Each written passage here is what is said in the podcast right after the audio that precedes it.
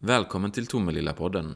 En podcast om arbete och livet i Tomelilla på Österlen.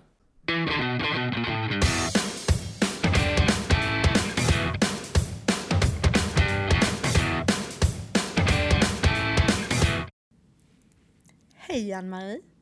Hej! Välkommen till Tomelilla-podden. Tack för det. Nu är det så här att Tomelilla-podden handlar ju om livet och arbete här i Tomelilla på Österlen. Så vi ska få reda på lite mer om ditt arbete. Vad är det du gör? Jag jobbar som enhetschef inom LSS och i vård och omsorgsförvaltningen. Vad är LSS för de som inte känner till det? Det är lagen om stöd och service för personer med funktionsnedsättning. Och du, innan vi går in på ditt arbete mer konkret och hör hur en vanlig dag ser ut, om du kan berätta om det. Ja. Så tänkte jag, jag är lite nyfiken, för jag vet att du började din karriär för många år sedan som kafébiträde och som kassörska. Vad var det som lockade med vård och omsorg? Eh, ja, jag tänker så här att jag gick ju barn och fritidsutbildningen på gymnasiet eh, och under den tiden så jobbade jag i café och kassa och så. Eh, men intresset för människor fanns ju där och att arbeta i kassa det är också att möta människan och även i, i café. Så att intresset för att möta människor fanns med redan tidigt. Och sen landade du på något sätt inom vård och omsorg. Ja, när jag hade läst färdigt barn och fritid så började jag jobba som elevassistent på skola. Eh, och redan när jag hade jobbat där ett kort tag så eh, läste jag vidare på Furuboda, assistentutbildningen där ett år. Och fick ännu mer kunskap och så. Eh, och sen har jag jobbat vidare som personlig assistent, avlösare, jobbat på gruppbostäder, ledsagare. Ja, lite varierat inom LSS. Och du börjar ju då inom olika verksamheter och nu socionom och jobbar som enhetschef. Vad var det som gjorde att du har känt att du ville läsa vidare?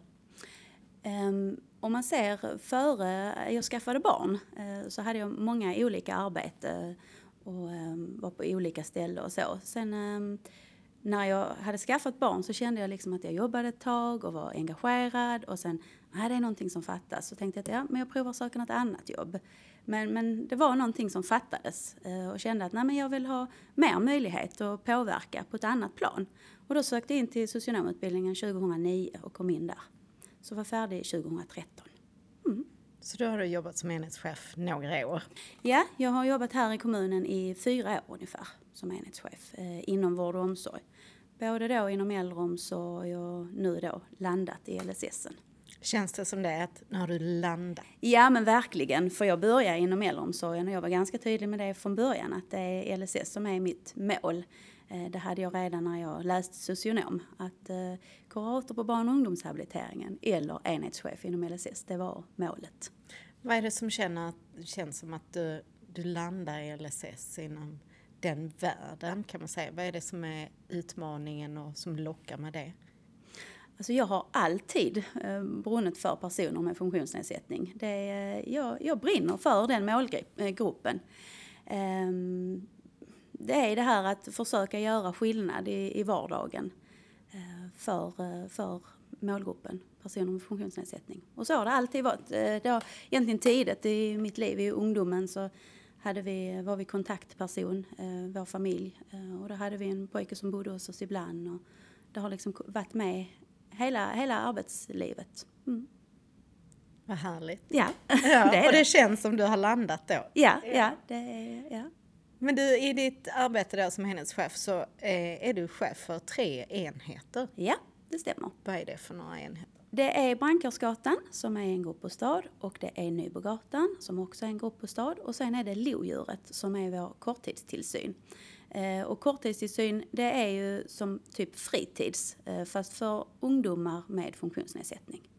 Eh, om föräldrarna arbetar eller så har behov av omsorg för sina ungdomar på eftermiddagen och även på morgnarna så har vi det på Lodjuret. Och i ditt arbete då, finns det en, kan man säga att det finns en vanlig dag som ser, hur ser en vanlig dag ut? Nej, det Eller finns nej? ingen vanlig dag. Eh, nej, en vanlig dag finns inte. Och det är ju mycket det som är, är spänningen med detta jobbet. Eh, jag kan ha en tanke om hur jag tänker att eh, tisdagen ska se ut. Eh, och sen så börjar morgonen med bemanning kanske. Så får man kasta om lite på morgonen.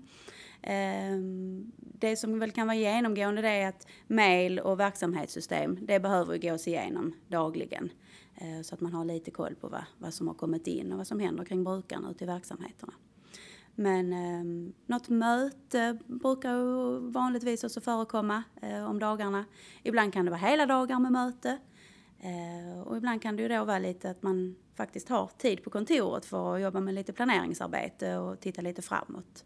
Så, men, men mejlen är väl det som är återkommande dagligen. Är det utmaningen, mejlkorgen? Ja, det tycker jag. Eh, för man vet inte riktigt vad, vad där kommer i mejlet, men mejlet behöver hanteras. Eh, ibland kan det vara en liten enkel fråga som ska besvaras, men ibland kan det vara saker i större sammanhang som man behöver fundera lite mer kring, samla in mer kring, eh, information kring och kolla av med fler personer kanske så. Så att mejlen är väl det som är svårast i arbetet att ha ja, kontroll över, koll på. Så, ja.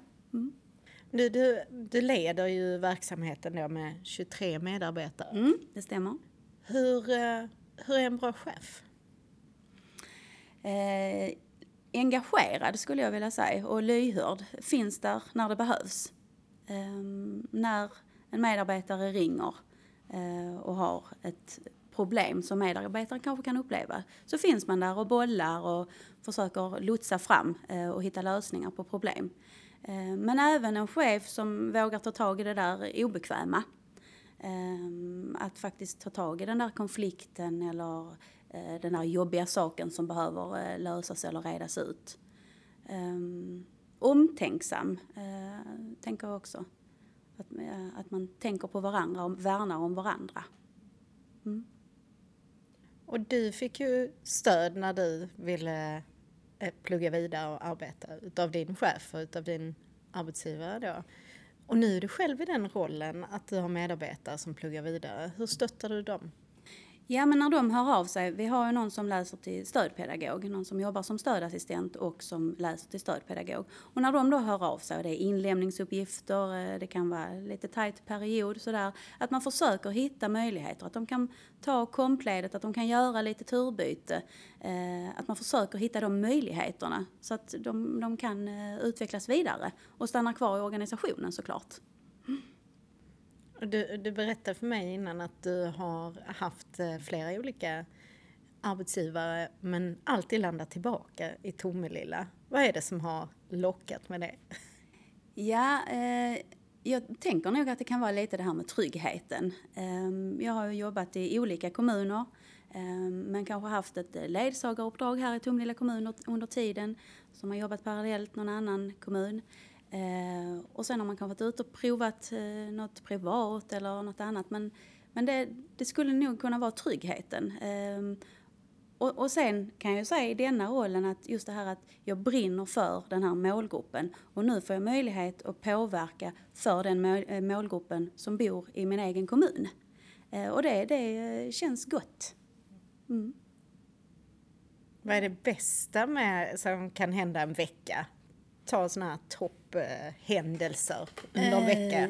Eh, topphändelser under vecka, det är ju dels när man har haft eh, härliga APT eh, med arbetsgrupperna. Det ger otroligt mycket energi, eh, engagerade medarbetare. Och när man hinner, eller prioriterar, hur man vill uttrycka det, att åka ner i verksamheten, eh, vara med vid en fika tillsammans med personal och brukare, eh, lodjuret som kanske har en eh, julmarknad, att man eh, hinner vara med där och sitta med och prata med ungdomarna och deras anhöriga. Eh, man har ett brukarmöte, sitter tillsammans med fadder och brukare och pratar kring en specifik situation som är väldigt viktig för den här brukaren att förmedla till mig. Det är toppenveckor. Eh, då, då går man hem på fredagen med liksom ett stort leende på läpparna och känner att det här känns gott. Jag har gjort skillnad. Härligt. Mm. Du, jag tänker på just den här biten med kommunikation och få vara delaktig i sin egen vardag. Mm. Hur tror du det här med digitalisering kommer att kunna påverka och underlätta i, inom LSS? Vi jobbar ju redan mycket idag med alternativ kompletterande kommunikation och det är ju bildstöd, eh, det är tecken som stöd, eh, teckenkommunikation. Eh, och även det här med iPads, eh, man kan jobba mer digitalt. Det underlättar ju otroligt mycket för våra brukare för att vara mer delaktiga. Eh, sen har vi även haft en utbildning lite kring en liftanordning som man skulle kunna då installera i brukarnas lägenheter för att mer jobba en mot en. Eh, inte behöver ha så mycket dubbelbemanningar eh, utan man jobbar mer en personal och brukare. Det skulle underlätta för brukaren att kanske mer ibland kunna klara sig själv inte ens en gång behöver ha någon personal inne i lägenheten för att kunna röra sig friare. Det ser jag som en stor utveckling. Mm. För det här med framtiden, det händer ju spännande grejer. Mm. Men det behövs ju medarbetare även om det kommer då lyftanordningar och robotar och digitalisering. Är det lätt att rekrytera? Och hur, för jag vet att du är delaktig i vård och omsorgsambassadörerna? Ja, vi har ju fantastiska ambassadörer här i Tomelilla kommun som jobbar inom LSS och inom äldreomsorgen. Eh, som är ute och marknadsför eh, yrket undersköterska och att jobba inom vård och omsorg. Jobba som stödassistent, jobba som undersköterska eh, och hjälper till i det här med rekryteringsprocessen. Och det jag kan tycka är kul som vi kan se det är ju i alla fall att nu har vi fullt med ansökningar till vård och omsorgsutbildningen. Och det är ju någonting som har hänt, det är en trend som vänder och det är jätteroligt. Och då kommer de ut och gör APL i våra verksamheter. Och där gäller det ju att vi fångar dem. Det där lilla, eh, att man ger dem ett mer vuxenansvar. Om de går tredje året på gymnasiet så är de ju snart våra medarbetare. Det gäller att vi ser dem som vuxna individer, ger dem ansvar och det växer de ju med. Eh, och det är häftigt att, att stå sig på och då får vi ju lättare medarbetare. Eh, sen är det svårt att hitta medarbetare men jag tror att med nya vägar och att man tänker lite annorlunda och kanske små anpassningar eh, med tydligare arbetsbeskrivningar och så, så tror jag att man kan nå framgång. Men framförallt när vi har våra ambassadörer ute som brinner så för detta jobbet så är det ju det budskapet som vi förmedlar. Eh, att det är roligt att jobba inom vård och omsorg och det här mötet med människan som jag hela tiden kommer tillbaka till. Eh, att det är det som ger så himla mycket. Mm. Det riktigt lyser i dina ögon kan jag berätta när du berättar om mötet med ja. människan. Ja. Det, men det är så jag känner. Eh, det är verkligen det som gör att, att jag brinner för mitt jobb och det är det jag försöker förmedla till mina medarbetare. Och som då medarbetarna kan förmedla vidare till våra vikarier så att de blir kvar hos oss och så. Och nu har du förmedlat det till oss. Tack mm, så mycket Ann-Marie. Tack för idag. Tack så mycket. Du har nu lyssnat till Tomelilla-podden. En podcast om arbete och livet i Tomelilla på Österlen.